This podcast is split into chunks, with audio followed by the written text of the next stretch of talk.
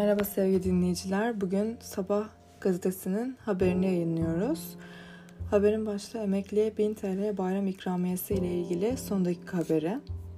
Emekli bayram ikramiyeleri ve maaşları ile ilgili son dakika haberi geldi. 12.3 milyonu aşkın emekliye verilecek bayram ikramiyelerinde rota belli oldu. Buna göre Mayıs'ın ilk haftası ödeme için hazırlık yapılırken ikramiyeler yeni emeklilere ve dul maaşı alacak alanlara da ödenecek. Peki emekli ikramiyeleri hangi tarihte ödenecek? Son dakika haberi.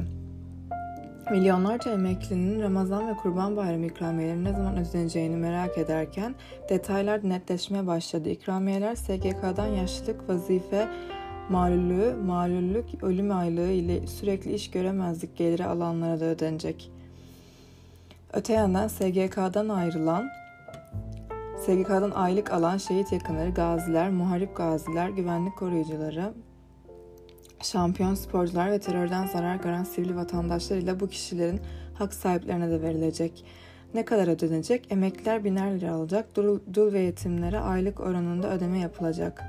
İki aylık alanlar ne yapar? İki dosyadan hangisinde aylık oranı daha yüksek ise o dosya baz alınarak ödenecek.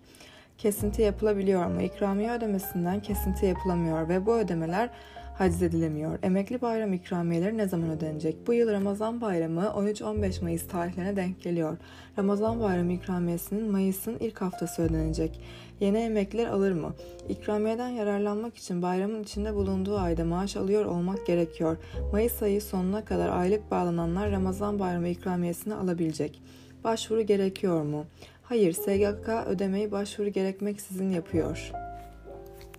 Dinlediğiniz için teşekkür ederiz. Instagram ve Spotify'da takip etmeyi lütfen unutmayın.